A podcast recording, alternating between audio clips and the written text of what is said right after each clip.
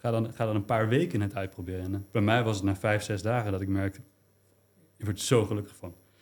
Dus het- we stoppen er te snel mee en, en dat is dus een experiment. Dompel je daar langer in onder en trek dan je conclusie. Hm.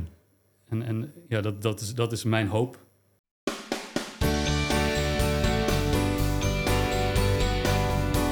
Leuk dat je weer kijkt of luistert naar deze nieuwe aflevering van de Podcast of Hope. En vandaag hebben we in de studio René Sprenger. We gaan het hebben over hoe je door middel van experimenteren de barrières voor je geluk weg kan halen. Podcast of Hope, moving towards happiness. Nou, leuk dat je er bent. Leuk om mee te zijn. Ja. We gaan in gesprek over geluk. Is dat een onderwerp wat je veel bezighoudt in het dagelijks leven? Dat kan je wel zeggen, ja. ja dat, eh, mijn boek gaat erover. Ik ben er bijna de hele tijd mee bezig in mijn werk. Ik praat er alleen maar over. En het is voor mezelf een van de meest belangrijke onderwerpen die er zijn. Dus ik denk voor mij, voor ieder mens, is dat eigenlijk een van de belangrijkste onderwerpen Ja. die er zijn. Alleen misschien dat heel veel mensen dat nog niet van zichzelf weten, dat het zo belangrijk is. Maar voor mij is dat, is dat eh, ja, een enorm belangrijk onderwerp. Ja, het is dus voor jou, een- voor iedereen is het belangrijk, maar jij bent ook echt concreet mee bezig. Zeker, ja. Ja, en je hebt er dus je, je werk van gemaakt, kan ik dat zo zeggen? Ja, ja dus, dus ik help mensen om dat in zichzelf te ontdekken. Ja. en wat vast te houden. Dat is eigenlijk mijn droom. En, en liefde en geluk is voor mij daar echt ligt heel erg dicht bij elkaar. Dus het is een beetje hetzelfde wat mij betreft. Alleen ik, ik, ik, ik zeg het ook wel eens, ik help mensen om in contact te komen met liefde en om dat vast te houden. Hmm. Maar het is dus, ja, en als je dan met liefde aan de gang gaat, ja, dan, dan dat, dat zie je natuurlijk overal terugkomen. In Hmm. liedjes, in, in musicals, overal waar je maar kijkt, films, dat komt terug. Ja. Dus dat is ook weer zo'n signaal dat, dat het zo universeel is. Weet je wel, dat, dat geluk. En ik denk dat, dat ik daar, ja, ik doe niets liever daar mensen mee in contact eh, te brengen. En eh, ja, de weerstand zit dat eigenlijk het meest in de weg. Zeg maar de gedachte dat het überhaupt wel eens mogelijk zou kunnen zijn om je bijna altijd, zo niet altijd, gelukkig te voelen.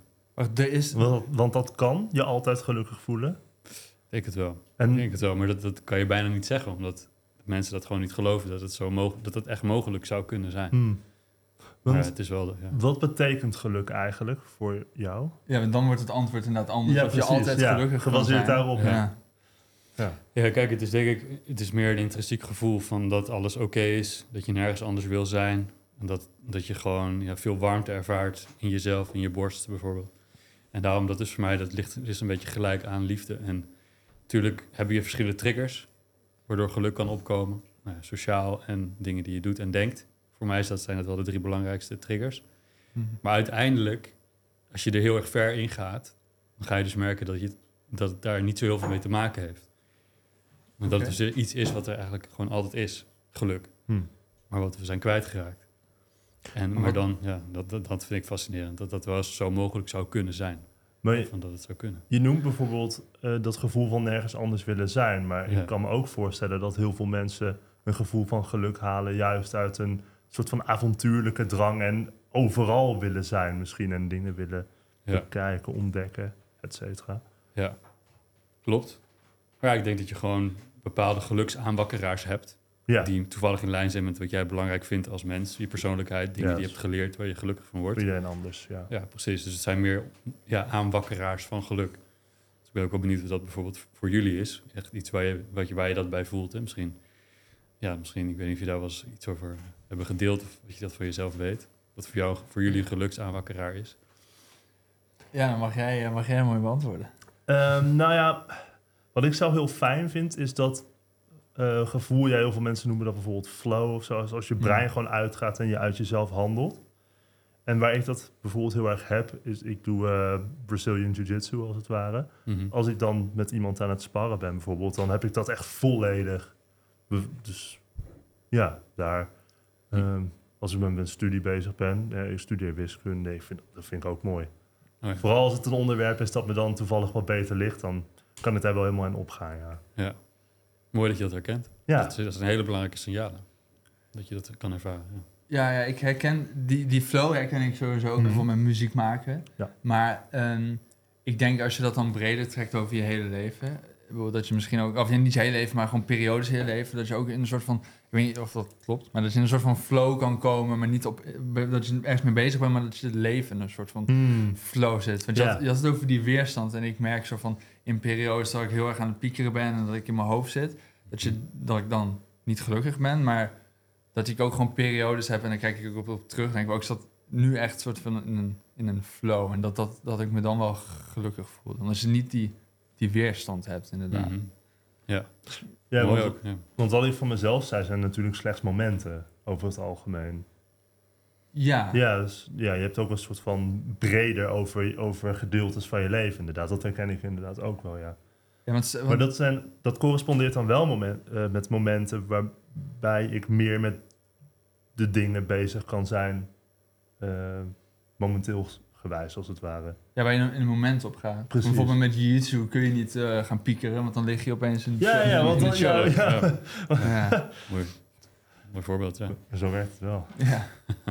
maar, maar ja, je hebt dus inderdaad... want We, vra- we gaan met heel veel mensen in gesprek over geluk. En iedereen heeft een andere definitie van wat geluk nou is. En net sommige mensen zeggen, hebben het over momenten of, of over Mhm. die kleine dingetjes als het ware. Andere mensen zien het meer als iets groots en reflectiefs. Maar, ja, hoe zie jij dat? Staan die dingen allemaal met elkaar in, in verbinding? Of zijn er gewoon mensen die fout zitten? Ja, nou ja, dat ga ik natuurlijk nooit zeggen. Want ik denk, in- uiteindelijk voelt voor iedereen geluk hetzelfde. Dus dan ben je al een soort, van weer een universeel verbonden iets. En, ehm en geluksaanwakkeraars, daarom vraag ik ook naar. Kijk, het zijn aanwakkeraars van iets wat eigenlijk al is. Het is meer een soort van, de, de wolken gaan even aan de kant. Die normaal zeg maar geluk verbergen. Mhm. En dan zie je dat er alleen maar geluk is. Dus die metafoor van de blauwe hemel, ik weet niet of jullie die kennen. Ik ken hem vroeger altijd vanuit de mindfulness. Ik heb heel veel mindfulness training Mhm. gegeven. Dat je gedachten als wolkjes ziet langskomen. Dat is een hele leuke oefening. Maar als je werkelijk eh, denkt van... Beseft van de, de blauwe lucht, dat is eigenlijk de werkelijkheid. Dat is eigenlijk geluk. Dat is eigenlijk altijd wat er is. Maar dan komt dat piekeren langs en zie je het even niet meer. Maar het is er nog wel. Dus zeg maar, ik Ja. denk dat, dat, dat de definitie daarvoor van bij iedereen verschillend is, maar dat, het, dat uiteindelijk het gevoel bij iedereen hetzelfde is. Mhm. En ook misschien hoe je daar komt voor iedereen verschillend is. Dus ik zeg ook niet dat mijn manier daar uniek of daar de enige, zeker niet. Hmm. Want Ik heb er allerlei andere dingen gedaan die andere mensen weer hebben beschreven die werken. Maar het is wel, ja, het is, het is hetzelfde. In de kern is het hetzelfde. Maar je zou dus niet, ik geloof zelf dat je niet iets van buiten nodig hebt. Hmm. Dus ik de laatste tijd beschrijf ook tegen cliënten, en dat is voor mij wel echt heerlijk dat het zo is. En van, ik, heb, ik kan op de fiets zitten en wel gewoon le- wat lekkere gedachten denken en ik voel me zo intens gelukkig. Hmm. Hoef ik nergens anders te zijn. Weet je wel? Gewoon gedachten van, ja, waar het leven om gaat. Dankbaarheid of dat soort dingen. En dan is het gewoon genieten van het denken, weet je wel. En dan, ja, dan hoef je geen reizen te maken of heel veel geld te hebben of wat dan ook. Dat is waar, ja. Je bent er al. Ja. En dat, dat is, ja, dat gun ik iedereen, dat je dat gewoon hebt. Want jou, wat zijn jouw eigen aanwakkeraars eigenlijk? Dus wat je net zei. Nou ja, kijk, mijn aanwakkeraars waren... Ik heb een experiment gedaan met geluk. Het was nadat mijn zoontje werd geboren. Mhm. En eh, toen kreeg ik zo'n gevoel van... Ja, echt een, echt een heel diep gevoel van geluk. En eh, nou ja, je ziet hem daar. En dat had ik nooit, had ik nooit verwacht dat dat zo zou, zou kunnen er zijn. Ik had het wel eens eerder gevoeld, maar dit was heel anders. Het was zeg maar, ik had, hij was twee weken oud en ik liep met hem buiten in de draagzak op mijn borst. Nou ja, dat op zichzelf was natuurlijk een heel lekker beeld. Ja. Maar op een gegeven moment voelde ik dat dus echt zo'n... Ik kon het bijna niet bevatten, zo groot was het, maar het draaide zich om. Ik dacht, stel nou dat ik dat, dat kleine jochie ben op mijn borst. Ja, wat zou ik dan daarmee doen? Ook dit, zeg maar tegen mezelf aandrukken. En, en dat, doordat ik het zo kon omdraaien, veranderde het eigenlijk in een zelfliefde en een zelfgunnen. Hmm. En dat was voor mij de ultieme aanwakkeraar van, oh, ik mag dit. Ik, ik mag me altijd goed voelen. Of ja, er stond- ontstonden vragen die ik mezelf nooit heb durven stellen. Namelijk, kan ik dit bijna altijd voelen? En heb ik daar invloed op? Mhm. Want ik besefte ook, als hij er niet was, kon ik het wel bedenken en dan was het er weer. Weet je, aan dat moment kon ik weer terugdenken. Ja, Dus toen ben ik gaan experimenteren met allerlei aanwakkeraars.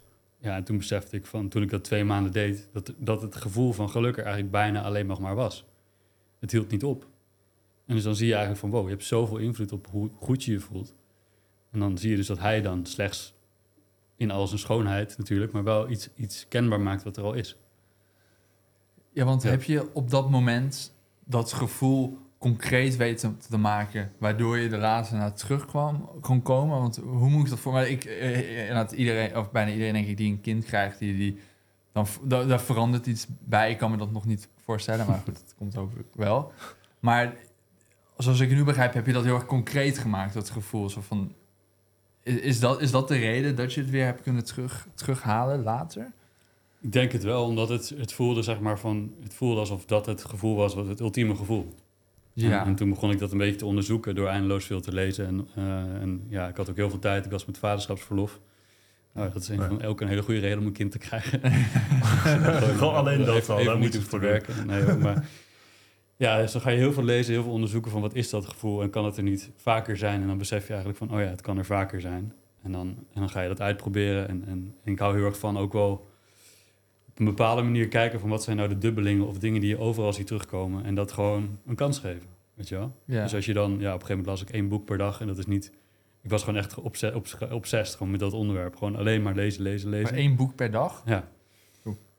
Dus ja, dat wordt steeds, zeg maar, in heel veel boeken staat hetzelfde. Dus je kan heel snel, kan je, van één boek kan je, heel, kan je heel snel terugkomen tot de kern. En dan kan je soms in een uurtje al lezen, zeg maar. Omdat overal hetzelfde staat. In een uur een boek lezen? Ja, dus dan begin je Gewoon gewoon aan het begin snel aan het leestechniek, Precies, snel ja. lezen is dat. Oh, dat diagonale ja, ja, lezen. zoiets. Inleiding, conclusie, inleiding, conclusie. En dan weet je wel een beetje waar het om gaat. Dan lees je nog een keer de conclusie en dan, en dan filter je zo de kern eruit. Dat heb ik dus heel veel boeken gedaan. Toen kwam je eigenlijk bij een aantal dingen uit die overal in terugkomen. Ben ik gaan toepassen. Nou, en ik werd ongelooflijk gelukkig. Dus zo simpel, zo simpel is het wat mij betreft, weet je wel. En dan kom je dus weer bij die weerstand uit. Want de meeste mensen denken niet dat het zo simpel is. Ja. En die hebben overtuiging dat het niet kan. Of Mhm. mogelijk is, of nep is, of niet bij ze past. Ja, of ze niet goed genoeg zijn of waardevol genoeg. En dan, dan ben je wat mij betreft bij een soort van... Ja, het is iets wat ik nu bedenk, maar een geluk... Ja, eh, onderbreker of zo, weet je. Iets wat je eraf haalt. Ja. Dus ja, Ja, maar dat is ook goed om te weten van jezelf wat die zijn. Ik denk dat meeste mensen denken dat het niet zo makkelijk is, omdat ze ervaren dat het niet zo makkelijk is, toch? Mhm. Of zitten ze zichzelf in de weg op een manier? Ja, het- als je zeg maar kijkt naar... Als je dat, die metafoor van die blauwe hemel ziet als werkelijkheid... Ja. Dat ik jullie heel erg zou gunnen en iedereen. Ehm, maar dan, dan zit je dus jezelf in de weg. Hmm. Want die wolken, dat ben je zelf. Ja. Want, want het geluk is er al. En, maar dat, dat moet je, je moet nooit zeggen dat je, je- dat, je, dat je jezelf aandoet. Want dan ga je in zelfverwijt zitten. En dat is nou juist precies dat voorbeeld wat ik net gaf van mijn zoontje. Tegenovergestelde wat er gebeurde, namelijk zelf liefde. ja. En dan ontstaat er ruimte, weet je. Om te gaan experimenteren, toepassen van dit, dit soort lessen die overal terugkomen. En, en, dan, en dan ben je eigenlijk in de kern ben je, ben je bezig met ja, wat, wat eeuwenoude kennis is, wat mij betreft. Die, die je eigenlijk op scholen ook zou moeten leren en meekrijgen. Ja, ik, Ja. Wat ik dan gek vind is, waarom is die weerstand eh, dan? We hebben bijvoorbeeld ook podcast, eh, podcast gehad over het ego en liefde. Bijvoorbeeld de cursussen wonderen en, en, en, en dat, en dat soort ideeën. En da, daar, daar vraag ik me dan ook af, zo van waarom, waarom hebben we dan die, die ego? Want ik, ik zie dat ook wel als je bijvoorbeeld hebt, als je bijvoorbeeld, heel veel mensen hebben een soort van, op een of andere manier een soort van afkeer eh, tegen mensen die, die bijvoorbeeld zweverig zijn of spiritueel, weet je wel. Mhm. Terwijl in principe, je hebt geen last van die mensen. Ze zien er gewoon heel gelukkig uit. En op een bepaalde manier word je ook gewoon een beetje... Dus heb je soort van afkeer daartegen. Ik vraag me af, waarom hebben we dan eh, die ingebouwde weerstand... om ons weg te houden van die blauwe hemel? Als dat eigenlijk klinkt als de plek waar je zou moeten zijn. Ja. Nou ja, dat heeft natuurlijk allerlei, allerlei oorzaken. Ik, hoor, ik hoorde een podcast van Maarten Oversier ook hier. Mm. Mhm. Dat is natuurlijk een interessante oorzaak. hè. Alles wat we hebben geleerd vroeger of in, in, in ja, vorige generaties, in oorlogen en zo. Wat we nu nog met ons meedragen, epigenetisch of genetisch of ja. dat soort dingen. Dus dat kan zijn dat je daarom dat weer kwijtraakt. Eh als je ja, een jaar of zeven wordt of zes, zeven, dan hoor je dat meestal en dan gaat het, het persoonlijke denken aan de gang. En natuurlijk verder wat je allemaal leert. Hè? Die overtuigingen, dingen, gedachten die je gewoon heel vaak herhaald hebt gekregen of dingen te- die mensen tegen je zeiden, die je bent gaan geloven, waardoor het ego eigenlijk ontstaat. Je zou kunnen zeggen, je, ik denk niet dat het helemaal waar is, omdat je zonder, praktisch zonder ego wordt geboren. Mhm. Dat langzaam dat, dat aan wordt geleerd. Maar zeg maar dat het ego heel sterk is als je ja, in, in vorige levens of vorige generaties of vorige eh, ja, periodes in je leven, zeg maar, dat ja, pech hebt gehad, zou je kunnen zeggen. Ja, ja je hoort wel inderdaad vaak dat, dat, dat, dat je uiteindelijk terug moet komen naar soort van staat van, van kind zijn. Ja. Toch? Voor mij heeft Jung het daar ook Ja, over, toch? Ja, dat ja, je, ja, klopt. Maar, maar daar wordt het wel meer beschreven als iets wat bijna noodzakelijk is. Dat je wel gewoon echt de echte wereld in wordt gestuurd. En dan misschien weer dat kinderlijke terug kan vinden. Als Ja, het goed ja, ik denk dat die ego ook nodig is voor het de wereld ingestuurd worden, als het ware. Want het is een soort van verweermechanisme, denk ik. Mhm.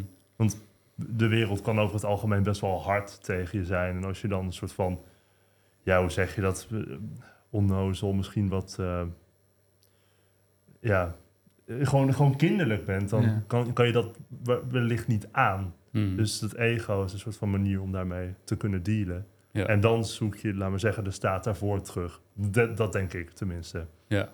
Maar je kan natuurlijk zonder ego eigenlijk, eigenlijk niet functioneren, lijkt mij. Hè? Dus je hebt Nee. het wel nodig om te werken, om dingen voor elkaar te krijgen, om je mee te identificeren. En ik heb, eh, ik heb een vriend opgedaan, dat was ook een deel van mijn eh, experiment in die periode. Ik wilde wat meer mensen vinden die hiermee bezig waren. Met geluk en spiritualiteit. Hij was er 40 jaar mee bezig. Hm. En ik had vorige week met hem een afspraak en ik heb ook een foto eh, daarvan eh, ehm, opgestuurd. Dat is dat ik met mijn zoontje rondloop en een beetje gek loop te doen. Nou, die man is 62. Ik liep met hem buiten. En ik liep met een, was een zoontje van, of een, was een kind van drie. Was aan het springen en een lol aan het maken en een beetje aan het, aan het gek doen. En toen dacht ik, oh ja, weet je wel, als je zo lang hiermee bezig bent, dan, dan keer je langzaam terug naar dat kind zijn. En dan Ja. ben je dus praktisch vrij van je ego. Maar hij zegt, ik wil niet vrij zijn van mijn ego. Want het helpt me te veel in deze wereld. Ja. Ja. Dus ik denk ook wel dat dat... Misschien kan je wel vrij zijn van je ego. Ik ben wel heel benieuwd. Ik, ik, ik ben ook bezig met de cursus in wonderen, dus het, ik vind het heel interessant. Hm. Maar ik kan me niet zo goed voorstellen wat er dan gebeurt. Dus ik denk dan dat je hier niet meer echt kan leven, als ik heel eerlijk ben. Ja, ja. Ja. gewoon veel Ja. naïviteit, denk ik. Precies. Ja. ja, maar mensen hebben het ook echt over een ego-dood en zo. ja, Maar ik denk inderdaad dat, dat, dat de, de, ehm, de clue is dat je je niet identificeert met je ego. Misschien dus niet dat je je ego soort van helemaal weg weet te halen. Maar zoals je, als je het over die wolken en die blauwe hemel hebt, dat, die wolken die zijn natuurlijk ook gewoon onderdeel van, van de natuur. Als, ja, ik weet niet of het Mhm. stom is om op Ja. die manier door te gaan, maar ja. dat je je maar niet identificeert met die wolken, Exact. Ja. denk ik. ja, en als je dan het voorbeeld van die vriend van mij erbij haalt... en wat ik hier op die foto ook doe, een beetje gek, hè? Van, Ja. Als je dat met je ego kan doen, ja, dan wordt het allemaal heel, helemaal niet zo serieus, weet je wel. En dan kan je gewoon een heel goed leven hebben en je eigenlijk altijd goed voelen.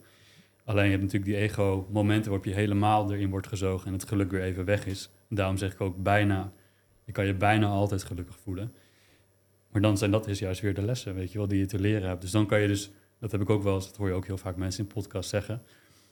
kan dankbaar worden voor je ego. Mhm. Dankbaar worden voor je problemen. En dat is, dat Ja. is wel de les, zeg maar, die ik zelf nu nog een wat meer aan het leren ben. Omdat je merkt van, hè, van... Ik voelde me zo intens gelukkig.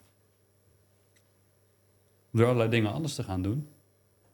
Maar problemen zijn, zitten er nog wel ergens onder, verstopt. Weet je wel? Dus die komen dan weer naar boven en wordt het geluk wat meer verstoord. Ja. Maar je kan daardoor wel jezelf nog beter leren kennen. Maar dat maakt dus niet dat je dat geluk alleen maar helemaal leuk is en fantastisch. Maar dus juist dat het heel mooi is als je die diepere lagen naar boven weet te halen. Ja. En daar dus ja, speels mee om kan gaan. Oh, daar heb je weer zo'n laag. Ah, ik heb weer een kans om te leren. Ik heb weer een kans om mezelf eh, completer te krijgen. ja, dat is wel een mooie manier om er zo naar te kijken natuurlijk. Gewoon Ja. als lessen om je compleet te maken. Ja, absoluut. Ja, ja, maar dus- dat, ja. Ja, als je zegt dankbaar zijn voor je ego, dat is ook wel interessant. Omdat misschien is dat dan juist de manier om daarmee om te gaan. Want als je misschien dat de andere manier is, een beetje vuur met vuur bestrijden. Misschien is er van het willen uitbannen, dat is dan misschien weer een hele ego-manier om om te gaan met je ego. Ja. Ja. En of je het nou wil of niet, het is er wel. Ja, Mhm. Je moet, laat maar zeggen, leren omgaan met het geheel van je psyche, als het ware. Ja, dan heb je natuurlijk van die voorbeelden van mensen zoals ja, Eckhart Tolle, die kennen jullie denk ik ook wel. Hè, van Mhm. mensen die dan eh, ja, in, in een vingerknip verlicht of, of intens gelukkig lijken te zijn.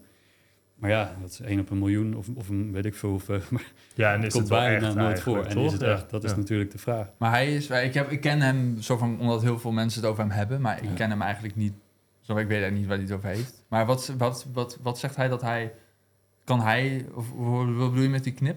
Nou, kijk, hij, hij was eh, aan het studeren en volgens mij was, ik weet niet helemaal zeker, aan het promoveren zelfs. Maar in ieder geval, hij liep helemaal vast in de angst en hij was helemaal overweldigd. En hij lag s'nachts een keer in zijn bed en het was een aantal keer gebeurd, kon weer niet slapen en hij werd helemaal gek voor zijn gevoel.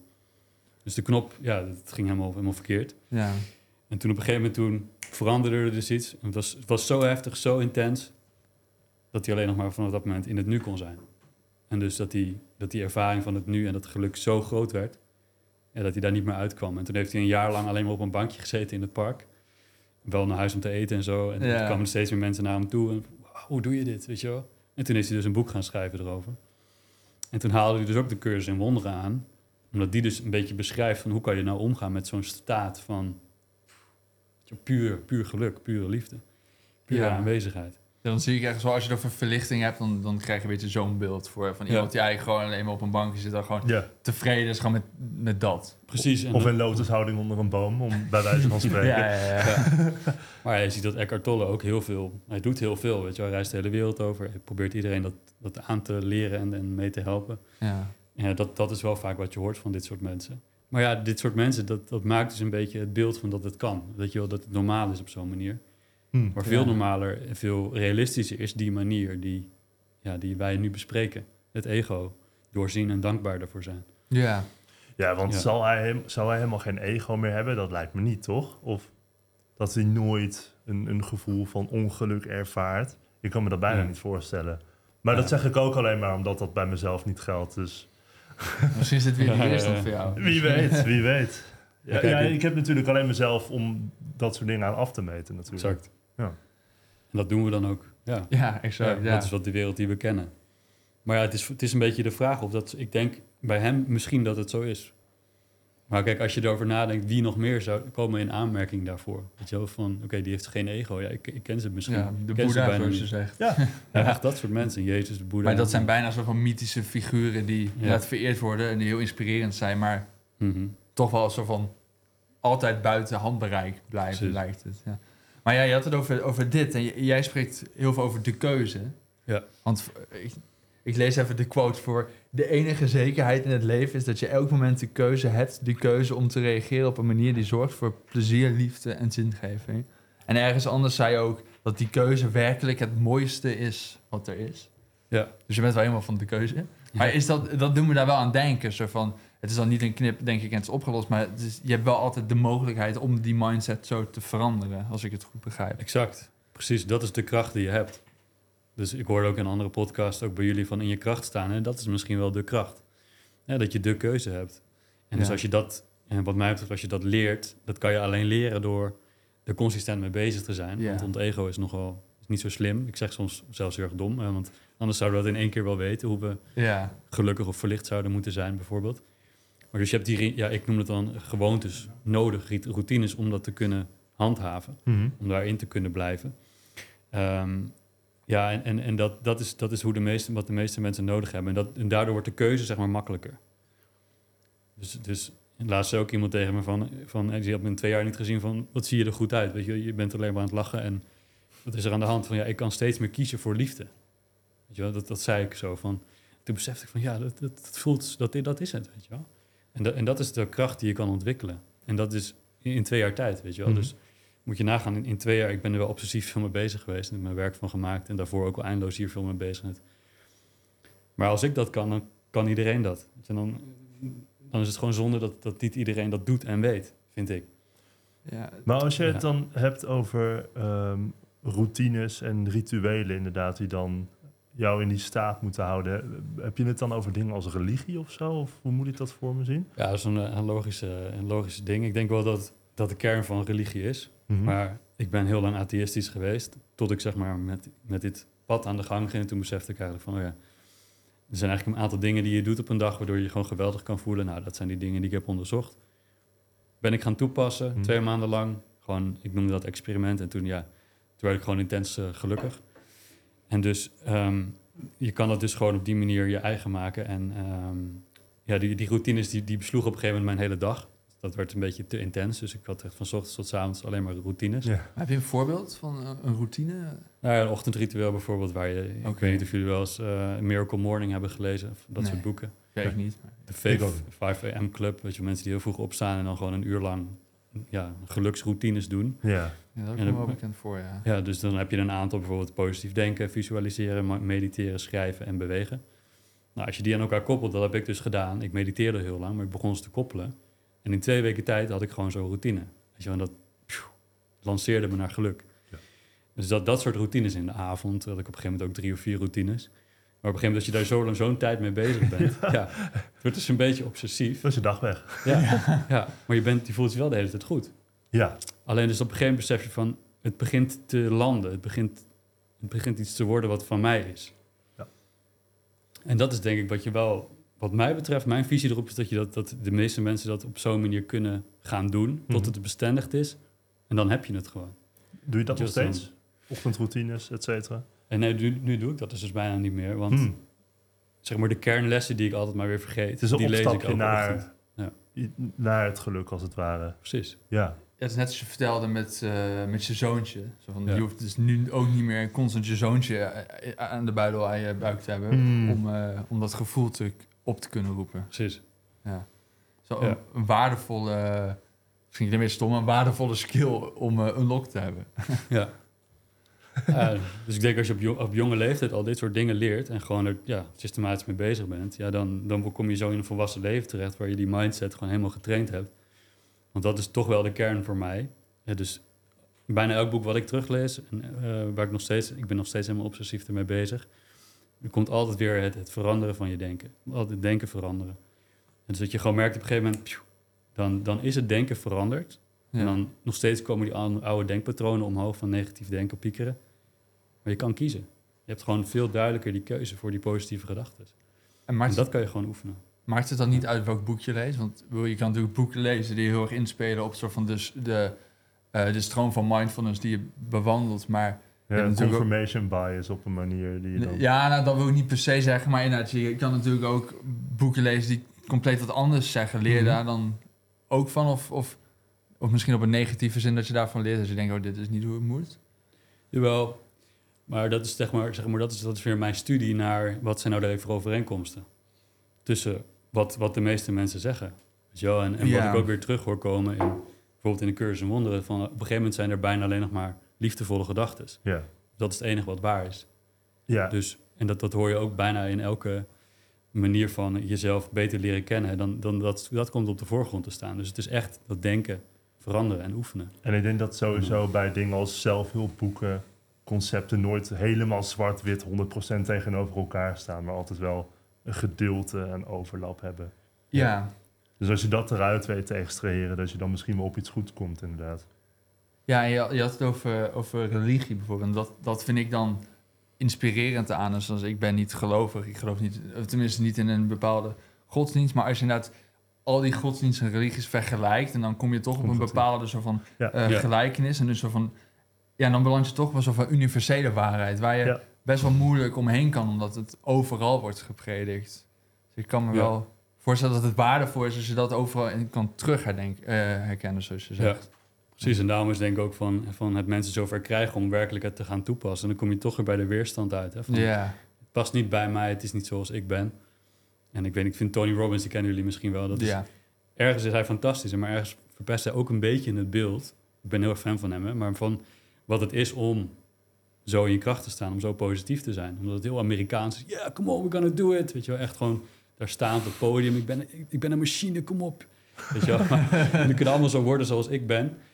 Maar dat, dat verpest dan weer een beetje je beeld wat je hebt van, van, van persoonlijke ontwikkeling. Weet je wel, en dan, voor mij is dit een persoonlijk voorbeeld waardoor ik er niet mee durfde te beginnen. Ik vond het, paste niet bij me. Ja. Maar dat is die weerstand waar je gewoon doorheen moet, zodat je het gewoon gaat uitproberen. Ja. En voor jezelf gaat ervaren. Van, is ook een beetje een Ja. cultuurbarrière. Hè? Hij is dan te Amerikaans voor jou om te proberen. ja, Dat, ik zou dat waarschijnlijk ook hebben. ja, Want ik, ik, ik hou ook niet zo van Tony Robbins. Ik vind het ook allemaal wat... Hm. Ja, net wat je zegt, te Amerikaans. ja, precies. En, dan, en dat, dat kan je dus in de weg staan om het, om het echt te gaan toepassen Ja. wat hij eigenlijk zegt. Ja. En dat is natuurlijk zonde. Nee, Ja. ik heb dat sowieso een beetje... Want ik- jij bent een coach en we hebben meerdere coaches op, in de podcast gehad. En tot nu toe allemaal gewoon super chille eh, personen. Maar ik heb wel alsnog altijd, als ik aan coaches denk, soort van... eh, hoe zeg je dat?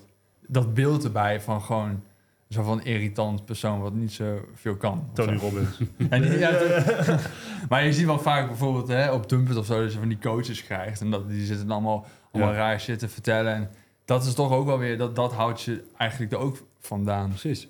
Het is gewoon zo waardevol om dat soort denkbeelden van jezelf en, en ook stereotyperingen te herkennen. Van, oh ja, dat, Mm. daar doe ik het weer. En dat staat me dus in de weg om het een kans te geven. Ja. En dan, en dan kan je alsnog kan je het gaan proberen. En dan mag je gewoon gaan beslu- besluiten natuurlijk van dit, dit is het niet voor mij. Ja, ja. Maar voel het dan even een tijdje van wow, Ja. begint het nu echt te voelen of helemaal niet? Nou ja, laat dat gewoon je, ja, je doorslaggevende manier zijn om dingen uit te proberen. Ja. En dat is natuurlijk totaal anders dan waar we voor zijn opgeleid. Of worden opgeleid. Ook, ik ook als psycholoog. Ja. Ja. Maar je hebt het al een paar keer over onderwijs... en over dit van jongs af aan meegeven. Hoe zie je, hoe zie je dat voor je? Hoe, hoe, zou- hoe zouden we de, het onderwijs overhoop moeten gooien en vanaf, opnieuw moeten opbouwen?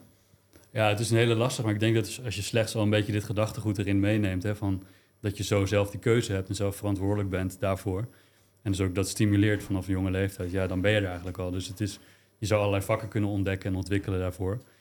In, in Denemarken hebben ze bijvoorbeeld het vak empathie, wat je al van Ja. jongs af aan meekrijgt op school. En je ziet ook dat daar ja, veel minder gepest wordt en allemaal dat soort dingen zijn er veel minder. Dus dat soort vakken zou ik er zeker wel bij halen. Dat is wel interessant, Ja. dat wist ik helemaal niet. Empathie als, als gewoon naast de geschiedenis Ja. en dan daarna heb je uurtje, een blokuurtje empathie. Blokuurtje empathie. Ja, Interessant. ja. Maar wat zou je dan, wat, wat leer je dan bij empathie? Is gewoon dat je gewoon met elkaar gaat praten? Of Ja, zo je leer leert gewoon, kijk, wat, waarom zou diegene zich zo druk gedragen? Wat zou daar aan de hand zijn? Weet je? Want dan begin je zo je Mm. in de ander te verplaatsen. En dan, ja, dan, oh ja, oh, nu begrijp ik het wel. In plaats van dat je het gaat projecteren van, oké, hij doet het expres of wat dan ook. Dus je gaat er niet meer de schuld daarop leggen.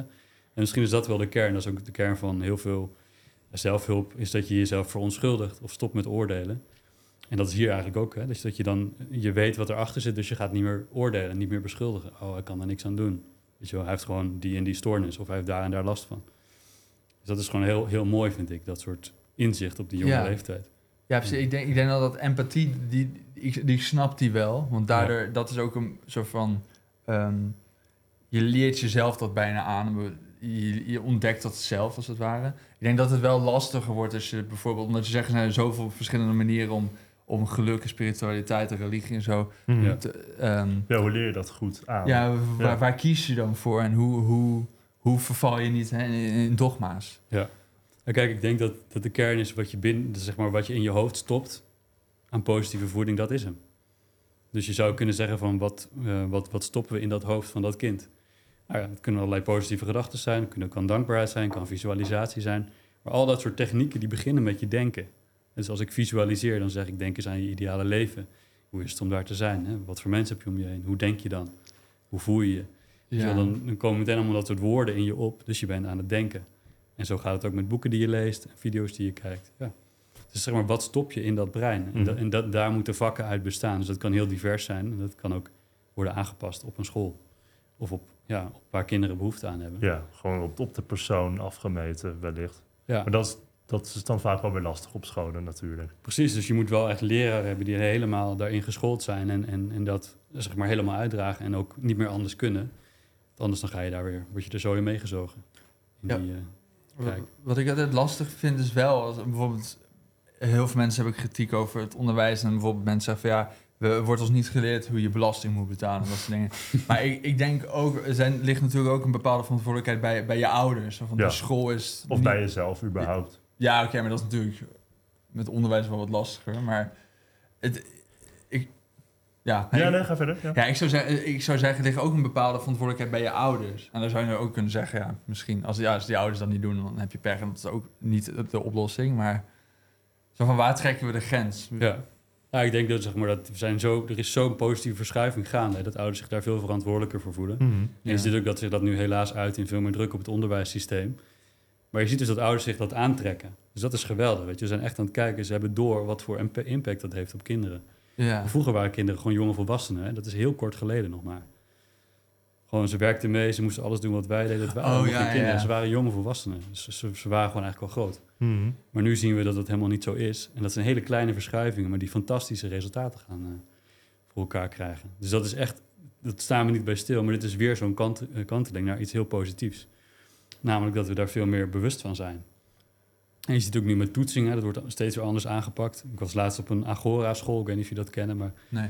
Dat is ook, ja, moet je maar eens in verdiepen. Dat is echt fantastisch. Daar komt ook pesten helemaal niet voor. Kinderen staan helemaal in hun kracht. Ze worden, met talenten worden, wordt er naar gekeken, maar ook impulsbeheersing. Ja, dus Hmm. bijvoorbeeld zo'n vak van, oké, je hebt ADHD. Hoe kunnen we hem nou helpen om daarmee om te gaan? En dan Hmm. gaat de hele klas, kinderen gaan daarmee in gesprek. Over in gesprek. Ja, dat soort scholen zijn er gewoon. En In Nederland dat wordt ook. steeds groter. Ja, in Nederland. Het is echt, eh, wordt heel snel heel groot. Dus als jullie kinderen krijgen, dan... eh, ik denk dat er dan alleen nog maar dat soort scholen zijn. Dat kan bijna niet anders, denk ik. Je werkt het zo goed, ja? Ja. Ja, nou. Ja, Ja, moet, ik- moet nog maar blijken, denk ik. Maar, Nou, dat is, dat is zeg maar het, het, het, eh, het oude, het oude, de oude manier van hoe we, ja, hoe we erover nadenken. Ja. Maar als je kijkt naar wat altijd al gewerkt heeft, En kinderen gewoon in hun kracht zetten en, en laten zien eh, en doen waar ze goed in zijn. Mhm. En gewoon mee, meenemen in alles. Dus ik was daar op die open dag. En er stonden een aantal barista's. Maar die waren wel acht jaar oud. Dus ze hadden gewoon een eigen koffiecorner bedacht. Weet je wel. Die stonden er lekker koffie te maken. Dat hartstikke lekkere koffie. Ze deden het hartstikke goed. Andere kinderen hadden net een voetbaltoernooi georganiseerd. Met allemaal scholen in de buurt. Die zijn acht jaar oud, hè. Ja. Dat soort dingen. Ja, dat is fantastisch. Hadden de boontjes helemaal uit Ethiopië laten komen. Ja, nou, dat soort dingen niet. Ja. Nee, maar dat is, ja, dat is inderdaad wel leuk. Dus dan zie je ook van die kinderen, die kunnen, die kunnen dat gewoon. Weet je wel. En, en, en daar moeten we ze in vertrouwen. Ja. En dan ontstaan er gewoon hartstikke mooie dingen. Ja. Ja, Nee, we zeggen nu te snel tegen kinderen van... oh, je bent nog jong, dat kan je nog Ja. helemaal niet. Ja, ja, ja, ja. En als je dat dus ook weer meekrijgt, dan, dan, dan komt er weer een overtuiging. ja dan denk je dat je het daadwerkelijk niet kan. Ja, Ja. precies. Dan kan je ook als je 30 bent, kan je ook nog denken, ik ben te jong, ik kan dit niet. Ja. Terwijl als je dan van jongs af aan al die kracht krijgt, van, dat vertrouwen krijgt, van je kan het. Wel een beetje natuurlijk realistisch. Nee, precies. Ja. Maar ja, Ja, in ja. principe zijn kinderen gewoon puur potentieel. Ja. En vooral inderdaad als je op die leeftijd al mee aan de slag gaat. Ja. Hey, ik wil het ook nog graag over je boek hebben. Ik heb een vraag onze gasten ervoor mee te nemen. Je hebt je boek meegenomen. Mhm. Ehm, ja, kun je me misschien wat meer over vertellen? Ja, natuurlijk. Ja, ja, ik, net in de voorbespreking zei ik al even van... omdat geluk zoiets is wat er altijd is... kan ik niet echt een voorwerp meenemen. Ja. Want het is gewoon in je, weet je wel. En daarom heb ik maar mijn boek meegenomen. Ehm, omdat, zeg maar, daarin beschrijf ik eigenlijk een heel groot deel... die ik vandaag ook met jullie heb besproken. Namelijk, je hebt zoveel invloed op hoe het met je gaat. Ga het uitproberen. En, en ik beschrijf zeg maar een manier van... ja, hoe je je kan voorbereiden op gaan uitproberen. En want als het zo simpel zou Mm. zijn, zou iedereen het doen. Experimenteren noem ik het dan. Ja. Maar de meeste mensen die, die hebben dat vermogen even nog niet. Die zijn te veel afgeleid in hun telefoon, in hun verwachtingen. Dus mijn visie is dat je dat eerst kan afleren. En dan komt de weg vrij voor je gevoel. Juist. Dus dat, dat leer ik mensen in mijn boek. En eh, ja, het is, het, is heel, ja, het is ook voor heel veel jongere mensen denk ik heel interessant met QR-codes en, en formats op mijn website. Waar je zeg maar, Mm. ja, het is veel meer dan een boek. Het is echt een, ja, ik zou zeggen, een grote cursus training. Ja. Als je, ja, ja. Dus dat is iets waar ik ja, twee jaar in gestoken heb. En ik denk van, eh, als je dit boek koopt voor 20 euro, dan heb je eigenlijk alles wat je nodig hebt. Dat Voor je hele leven. Nou ja, wel wat mij betreft om echt met het onderwerp aan de gang te gaan. Dus dat, dat zou je nogal wat besparen op de lange termijn. Maar dan heb je natuurlijk wel het nodig dat je echt het een kans geeft. En dan kom je weer bij jullie vraag ook net uit. Hè, van er zijn zoveel coaches, ja. zoveel manieren. Mhm. Maar ja, ik, ik- geloof dat dit alles bij elkaar pakt. En dus niet de manier is, maar een manier is. En het gaat erom, ook al lees je het boek niet, al koop je het niet, ga, ga ermee experimenteren. Weet je wel? Dus, Ja. dus dat, ja, dat is meteen de kern van, van die overtuigingen doorbreken. We hebben het over Tony Robbins gehad, al die dingen die je maar in de weg staan om je mooiste, gelukkigste leven te leven. Maar experimenteren heeft dan vooral te maken met routine, dingetjes zoals routines proberen, dat soort eh, dingen allemaal. Ja, dus als jij bijvoorbeeld hoort van, oké, ehm, positief affirmeren, daar word je heel gelukkig van. Ja, Oké, nee, je, doet, je zegt drie keer, ik ben goed genoeg, ik ben goed genoeg. En Ja. er gebeurt niks. Ja. Dat is niet echt een experiment. nee, Dus dat is waar. Dan moet je het herhalen, over- ja. een aantal weken uitspreiden, net als in onderzoek. En dan hebben we maanden dat we onderzoek doen. Ga dan, ga dan een paar weken het uitproberen. En bij mij was het na vijf, zes dagen dat ik merkte, je wordt er zo gelukkig van. Dus het- we stoppen er te snel mee en, en dat is dus een experiment. Dompel je daar langer in onder en trek dan je conclusie. Hm. En, en ja, dat, dat, is, dat is mijn hoop Ja. voor, voor, ja, voor deze podcast, maar ook voor dit boek. Het is prachtig dat jullie podcast zo heet. Want met hoop, daar begint het. En ook, ook voor die, die eerste tree richting nog meer geluk. En zonder hoop, waar ben je? Dus dat is mijn hoop. Ja, nee, mooi gezegd. Ja, ik, het is ook wel natuurlijk interessant. Jij zegt, ik lees, eh, ik kan een boek in een uur uit hebben. Dus als ik, als ik dan moet geloven, dan heb je zoveel boeken gelezen. Dat, als ik dit boek zou lezen, bespaar ik me er waarschijnlijk heel veel boeken... waar ik anders misschien maanden mee bezig zou zijn om een paar boeken te lezen. Ja, Dus het is eigenlijk een soort van, van eh, eh, samenkomst van alle kennis. Van jou, eigenlijk van jouw reis door dit hele pad. Ja. En je geeft mensen eigenlijk gewoon een beetje de wind mee. Gewoon een duwtje in de rug. Zo van, eh, hier heb je een begin. Dit, Precies. dit zet je de juiste weg op. ja. En niet te veel focus op dat boek in een uur lezen, want dat kan natuurlijk ook weer heel erg... Ja, nee, nee, nee, zijn. niet dit boek in een uur lezen. Maar dat heb jij gedaan bij... bij Precies, ja precies. Maar als ik de cursus in wonderen, als ik kijk hoeveel uur daarin gelezen heb, ja. ja, dan zit ik wel op... eh, Dat is ook wel een dikke. Dat is ook wel een Ja, dikke dat is wel een dikke, ja. maar dus dan, dan heb je iets veel essentiëlers. Maar inderdaad, wat ik heb gedaan en wat ik heb onderzocht, dat staat wel in de meeste boeken, de echt, ik heb echt vooral bestsellers onderzocht van de laatste 20, 30 jaar. Ja. Oh, over dit onderwerp. zo. Non-fictie vooral. Oh ja. En, en daar dus de kern uit gehaald. Ja. En welke boeken zijn het meest vormend voor jou geweest? Hmm. Ja. Ehm, nou ja, best wel veel, de kracht van het nu natuurlijk. Maar voor mij nog meer, omdat het heel erg gaat over wie je bent. Ehm, The Return to Love. Hm. Ik weet niet of jullie die al eens horen langs hebben komen. Van. Marianne Williamson. Dat soort boeken, dat is terugkeer naar liefde in het Nederlands. Ja, dat is, dat is voor mij de basis. Ja, want liefde is voor jou echt synoniem aan geluk, of niet? Ja. Ja. Ja, Ja. een beetje als in een eh, soort van cursus en wonderen manier natuurlijk. Ja, ik zie, ik zie niet echt het verschil. Want als ik me heel erg gelukkig voel, dan voel ik nog steeds die liefde.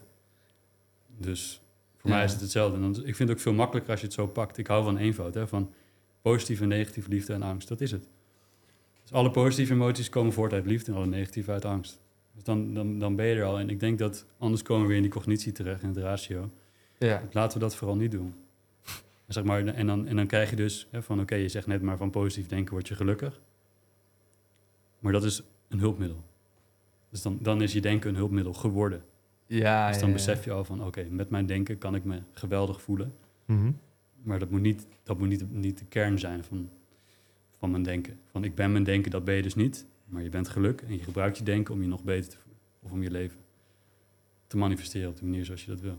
Maar is ehm, liefde en angst, zijn dat geen dingen die überhaupt in die ratio... Nee, laat maar. Ik zeg iets doms. Nee, We gaan even Stomme je mag dingen zeggen wat je wilt. Nee, maar dingen als angst en ehm, liefde wilde ik zeggen, zijn dat geen dingen die überhaupt in die ratio plaatsvinden. Maar ik ben het er zelf eigenlijk al helemaal niet mee eens. Maar het is een leuke, leuke ik was hardop aan het denken, dat had ik moeten doen. Ja, ik denk dat de helft zeker, zeker ratio is. Angst. Ja, dat, ja nee, dat, is wel inderdaad angst is, waar. Ja, angst is angst, helemaal, ja. angst is 100% Angst, ratio. ja. Ja, ja, Ja, ja, Dus dat wel. al. En natuurlijk niet de overlevingsangst. En dan, dan komen we weer even een beetje in die, in die theorie die ik even niet ga geven. Want ik denk dat mensen, andere mensen die al wel heel vaak hebben gegeven. Het vluchten, vechten, bevriezen. Hmm. Maar Mhm. die angst bedoel ik dan niet. Dan, ja, Ja, kom dat je is, dat is puur instinctief Ja. ja. Dat, is, dat denk je helemaal niet over Dan was ik misschien net al overleden op weg hier naartoe. Dan had ik niet over de straat eh, gekeken of er een auto aankwam. Gewoon hier op de parkeerplaats hier naartoe. Dan was ik misschien al overreden. Dus Ja, maar dan heb je hem wel nodig. komen negatieve gedachten dan niet uit die angst voort? Uit die onderbewuste angst, als het ware? Want dan heeft het niet zoveel met eh, de ratio te maken, als het ware, denk ik. Ja, ik vind dus dat, dat een hele goede vraag. Maar dan kom je dus weer uit bij ja, hoe, hoe het lichaam en de, en de mind werkt. Ja. Dus de hersenen, dat, eh, dat angstcentrum wat daar zit. Mhm. Ja, dat, is, dat is gewoon wat we hebben meegekregen van ja, het reptiele brein. Hè, van toen wij nog ja, ergens ooit reptielen en toen hier zijn gekomen. Ja. Dat zit er gewoon in. Weet je wel? Maar je merkt van mensen die alleen nog maar in die liefde zijn... dat stuk wordt helemaal niet meer geactiveerd eigenlijk. Dus ze, zijn, ze slaan het over. Dus het, het is innate aan wie je bent. Angst. Alleen het is niet wie je echt bent. Ja, Dus dat, is, dat is soms een beetje lastig. en die, ja, die maar geldt dat dan ook niet voor liefde? Nee, Ja, nee.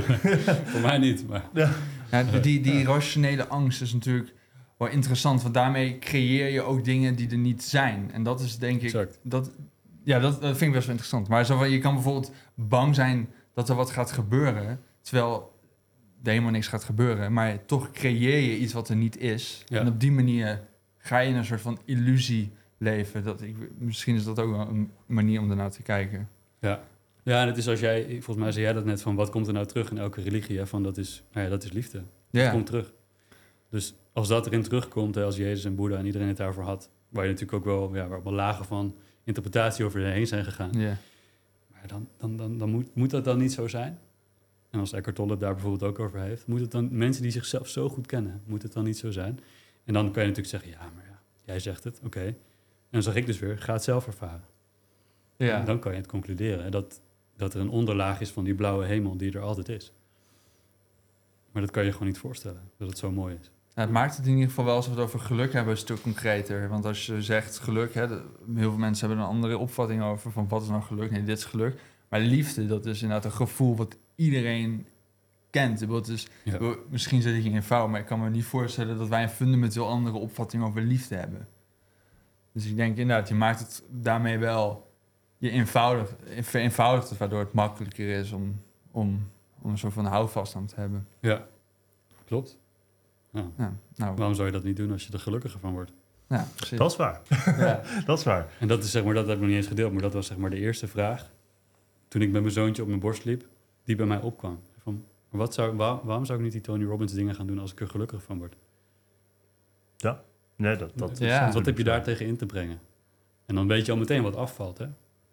Je gaat niet ruzie zoeken, want daar word je niet gelukkiger van. Er wordt niemand gelukkiger van. Door dat soort dingen vallen allemaal meteen af. ja. Wat nou als ik er gelukkiger van word? Ik zou, kan ik er niet door die weerstand heen gaan en het gewoon gaan proberen? Wat Ja. betreft wel. Ja, mooi. Hm. Ja, we zijn aan het einde gekomen en eh, we vragen onze gast altijd als afsluiter een tip te geven voor iedereen die luistert. Eh, nou, een beetje cheesy misschien, maar eh, bij, bij deze. Hm. Ja, ik had net toen je al vroeg naar mijn geluks voor, voor mijn gevoel, gaf ik hem toen eigenlijk al een beetje die tip. Mm. Ja, van, ehm, eigenlijk komt hij erop neer, ga, geloof niet wat een ander zegt, ga zelf op onderzoek uit. Hm. Wat, is, wat dus erop neerkomt, iets- dit is trouwens iets wat de Boeddha heeft gezegd, schijnt, ja, ga experimenteren, ga zelf ervaren of je er gelukkig van wordt. Alleen jij weet dat. Jouw Jij geluksexperiment. Precies. Jouw geluksexperiment. Ja, mooi. Nou, daar kan iedereen mee aan de slag, denk ik. ja, Ja, en wacht niet langer. Nee. Het is nu, nu tijd. Ja. Wanneer anders? nu. Nu. Hoor dit en ga aan de Ja, slag. precies. Ja, ja, Ja. als het dan over een paar weken zondag uitkomt natuurlijk. Ja, ja, precies. dat mag ook. Ja, nou heel veel bedankt dat je langs bent gekomen. Ja, dankjewel. Ja, heel, heel leuk om hier te zijn. Bedankt voor het kijken of luisteren naar deze aflevering van de Podcast of Hoop. We hopen dat je ervan hebt genoten of misschien zelfs geïnspireerd bent geraakt. Om de zondag komt er om 10 uur een nieuwe aflevering online op Spotify, YouTube en al je andere favoriete podcastkanalen. Ook kun je ons vinden op www.podcastofhoop.nl. Tot ziens en veel geluk. De wereld waarin we leven biedt nog geen gelijke kansen. Voldoende eten en drinken. Een adequate opleiding. Goede gezondheidszorg. Vrede en geluk is niet voor iedereen weggelegd. Maar stap voor stap wordt het beter. En zijn we op weg naar een octopische samenleving waarin iedereen zijn of haar leven als goed kan beschouwen. Het is een lange reis, maar we zijn op weg. Podcast of Hope. Moving towards happiness.